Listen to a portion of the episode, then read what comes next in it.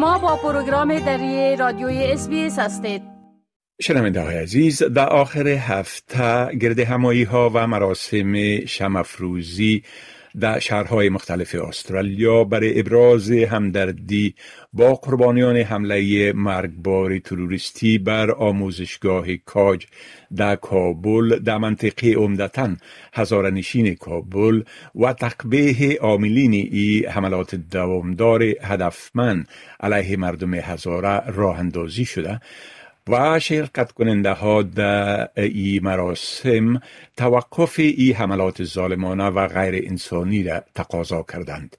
ما امروز آقای شکور فرهمند معاون نهاد همانگی افغانهای استرالیا و یکی از سازمان دهنده های محفل شمفروزی در ملبورن با خود داریم تا درباره گرد همایی ها و فعالیت های دیگه در جهت متوقف ساختن ای حملات صحبت کنند. آقای شکور فرهمند با عرض سلام خب اولتر از همه اگر در مورد محفل شمفروزی در ملبورن صحبت بکنین این محفل تا جایی که من اطلاع دارم در همکاری با سازمان عفو بین المللی سازماندهی شده بود اگر لطفا بگوین که چی تعداد از مردم در این گرد همایی شرکت کردن و چی کسای سخنرانی کردن لطفا.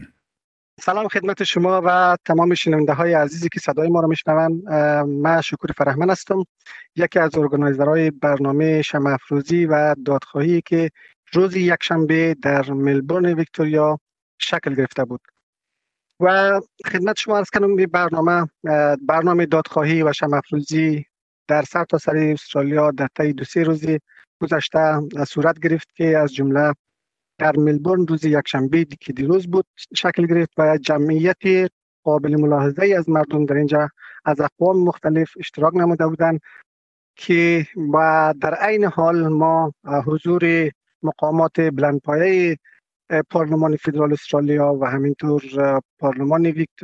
ایالتی ویکتوریا و همچنین امپی هایی که مستقل بودند اونجا حضور داشتند و سخنرانی کردند اکثر این حادثه غمانگیزی که حادثه تروریستی که در مرکز آموزشی کاچ اتفاق افتاد محکوم کردند و خواستار توقف نسل کشی هزارها در افغانستان شدند.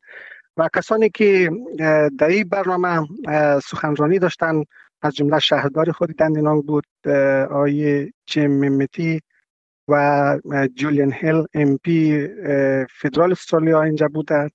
و همچنان رویان MP MP مستقل در اینجا حضور داشتن و همینطور دانیال MP یک از MP های مستقل دیگه بود که در اینجا حضور داشتن و همچنان فرناندوز MP هم اینجا حضور داشتن. اینا سخنرانی کردن و و واقعه و حادثه که در غرب کابل اتفاق افتاده بود.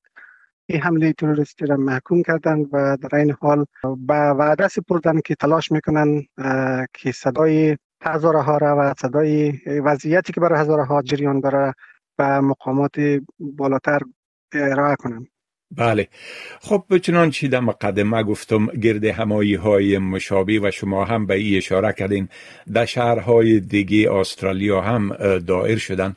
حتما قطنامه هم در ای گرد همایی ها صادر شده. اگر در بار محتوا و خواسته های شامل در ای قطنامه لطفا صحبت بکنین. درست است. قطعا قطنامه کلی سرتاسری صادر شد که در اونجا چند خواسته خب جزئیات زیادی داره ولی چند خواسته مهم و مشخصش ما می‌خوایم خدمت شما و بیننده های عزیز یادآوری نماییم اول اینکه یک خواست مشخص همه کسایی که در این تجمع حضور داشتن این بود که نسل کشی هزارها که سالها جریان داره به رسمیت شناخته شود و این خواسته ها را از طریق به سازمان ملل در واقع ما درخواست کردیم درخواست می‌کنیم که این نسل کشی هزارها به رسمیت شناخته شود و همچنان و شورای امنیت و جامعه جهانی به نحوی بتواند جلوی نسل کشی را بگیرن و این دو خواست مشخص بود که ما مطرح کردیم و همچنان از دولت استرالیا خواستیم که هزاره هایی که مورد دهشت و وحشت و انفجار و کشتار قرار داره توجه خاص به اینا در قسمت اسکان مجددشان داشته باشه به خاطر که اینا بیشتر از طرف طالبان و از طرف داعش مورد هدف تروریستی قرار دارد. بخصوص در چند وقت اخیر ما شاهدیم که حملات تروریستی در مناطق هزارانشین بیشتر شده. بله. موضوعات مهمی قطعنامه در واقع همین سه چیز مهم بود که ما در قطعنامه گنجانیدیم بله بسیار خوب. شما از حکومت استرالیا یادآوری کردین. با مقامات حکومت به صورت مستقیم هم به خاطر کمک در متوقف ساختن حملات بر مردم احزار صحبت کردین. و اگر صحبت شده در این مورد توقع از استرالیا از حکومت استرالیا چی است که چی نوع کمک بکنه؟ خب به خاطر که خود دولت استرالیا یک از کشورهایی است که عضو کشورهایی است که معاهده جنوساید را در واقع امضا کرده و خودش می‌تونه که در اینجا نقش خود داشته باشه وقتی که یک کشور توافق می‌کنه و متعهد به این است که یک جامعه وقتی مورد نسل کشی قرار می‌گیره در واقع از اونها حمایت صورت بگیره.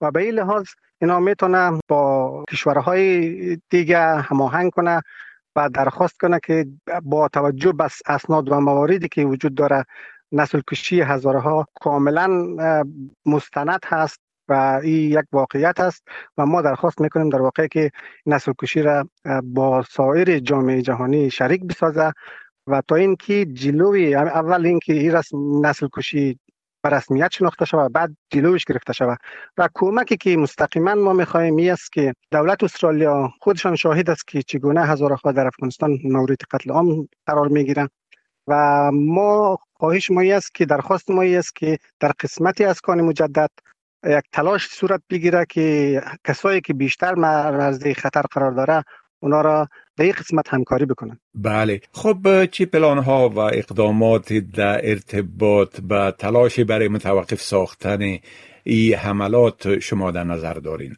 البته خب تا حالا به خاطر که حادثه اخیر دقیقا دو هفته قبل اتفاق افتاد و تا حالا ما فقط تانستیم یک هماهنگی های لازم را به خاطر برگزاری گرد همایی ها داشته باشیم با ام ها با شهردارهای منطقه تماس بودیم و این موضوع را با اونا گزارش کردیم.